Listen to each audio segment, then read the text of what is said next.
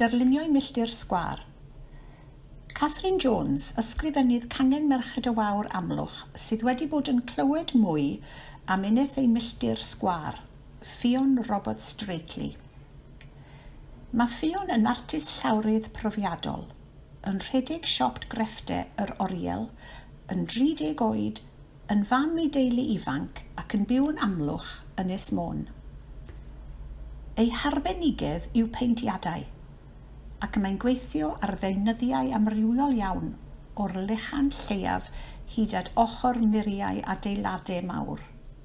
Dysgodd ei chrefft yn y Brifysgol yng Nghaerfyrddin a Llundain, cyn gweithio yng Nghaerdydd. Penderfynodd droi tuag adre ac ymsefydlu yno ym man ei magwraeth yn amlwch a magu'r ddwy ferch fach, Winnie, sy'n bedair oed, a Poppy sy'n flwydd. Daeth ffion im sylw pan weles ei murlun yng nghaffi'r llofft ym Mhorth Amlwch. Caffi wedi ei leoli mewn adeilad hanesyddol hen weithdi hwyliau cychod yn y ddeunawfed ganrif, oes a oer y pyrthlaf. Amser hynny, roedd mynydd Paris ar ei anterth yn cynhyrchu copr a'r porthladd dan ei sang gyda chachod hwylio yn teithio o borth amlwch i bedwar ban y byd. Tu mewn i'r caffi, ar un o'r muriau roedd Ffion wedi peintio myrlun sy'n dathlu 200 mlynedd o hanes morwrol Porth Amlwch. Myrlun trawiadol a gomisiynwyd gan Menter Amlwch. Mae'n llawn manylion gyda tai, pobl, llongau, y porthladd a'r gweithfeidd ac mae'n ymestyn o'r llawr i'r nenfod ac yn ddeg troedfedd o led. Cychwynnys gyda sgets o'r gwahanol adeiladau a pobl, eglurodd Ffion am y gwaith. Ynaf peintio'r manylion mewn lliwiau o arlliw llwyd. Cymerais chwe diwrnod i'w gwblhau. Roeddwn wrth fy modd yn ei greu er bod llawer o'r gwaith yn heriol, gan fy mod yn peintio unau ar ben y stôl neu ar y llawr caled. Ond rwyf wrth fy modd yn gweld ymateb pobl iddo. Mae Ffion ei gwreiddiau'n ddwfn yn y fro. Roedd wrth ei bodd yn mynd am de i di ei nain a'i thaid ym Mhorthamlwch ar ôl ysgol, a gwrando ar hen hanes a storiau am y môr a'r porthladd. Byr profiadau cynnar hyn yn ysbrydoliaeth iddi tra'n cynllunio'r murlun ar wal y caffi. Pan yn blentyn, mynychodd ysgol gynradd dros y Bol ac yna ysgol uwchradd Sir Thomas Jones yn amlwch dilynodd gwrs crefft a dylunio yng Ngholeg Menai a gweithio fel gofalwr y maes iechyd cyn penderfynu ail ddachwelyd i fyd addysg.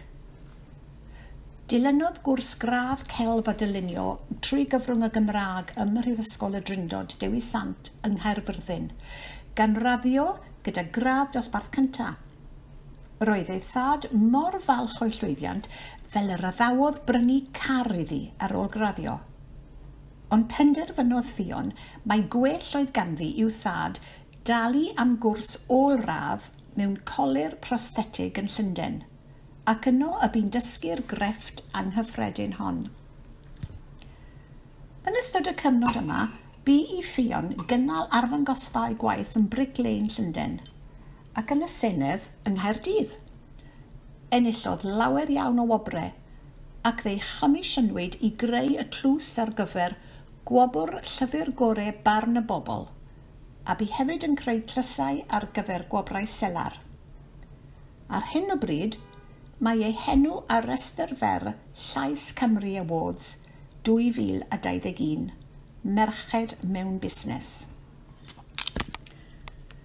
Yn ystod y cyfnod clo, fe welodd Ffion bod llawer o bobl yn siopa'n lleol ac roedd galwad am anrhegion gwahanol unigryw ar gyfer dathliadau arbennig. Penderfynodd agor siop unigryw yn amlwch. Siop i werthu cynnyrch celf artistiaid lleol. Gyda chymorth Cari Amlwch, agorodd Oriel Amlwch fis Medi 2020 ac erbyn hyn, mae 46 o grefftwyr lleol yn gwerthu eu cynnyrch yno. Mae'r oriel yn fenter bwysig iawn iddi. Gyda pob un o'r artistiaid, gan gynnwys ffion ei hun, yn gwirfoddoli o'i amser i weithio yno.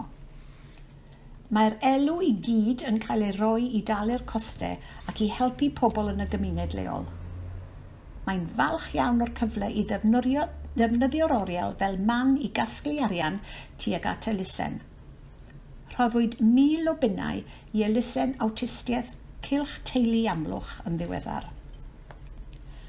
Ar hyn o bryd, mae Ffion yn brysur iawn gyda ffimp gwaith a gomisiynwyd iddi, sef Myrlin ar ochr yr oriel yn dangos teirnged i'r dre, Myrlin teirnged i'r gwasanaeth iechyd ar ochr yr orsaf ambulance, murlun diwedd y lein i gofio'r heilffordd yn dod i amlwch, murlun ar ochr adeilad yr hen fanc nat west a murlun ar wal derfyn rhandiroedd amlwch.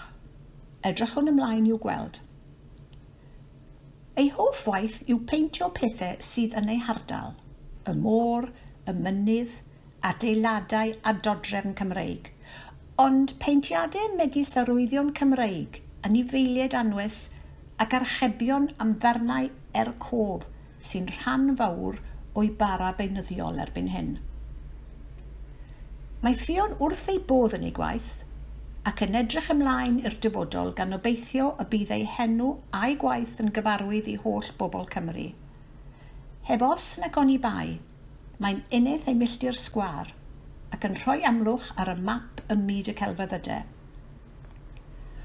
Os am brynu neu ymholi am lun arbennig, mae modd gweld ei gwaith ar Etsy, ar-lein, yn oriel amlwch, melyn llynon Llandeisant, siop Sea Peak Rhosneidr, siop Michell Llanfechell, siop Above the Brain Cernarfon a drwy Facebook neu Instagram, Fion Robert Straitley, neu e-bostiwch fi islinell 2312 at hotmail.co.uk.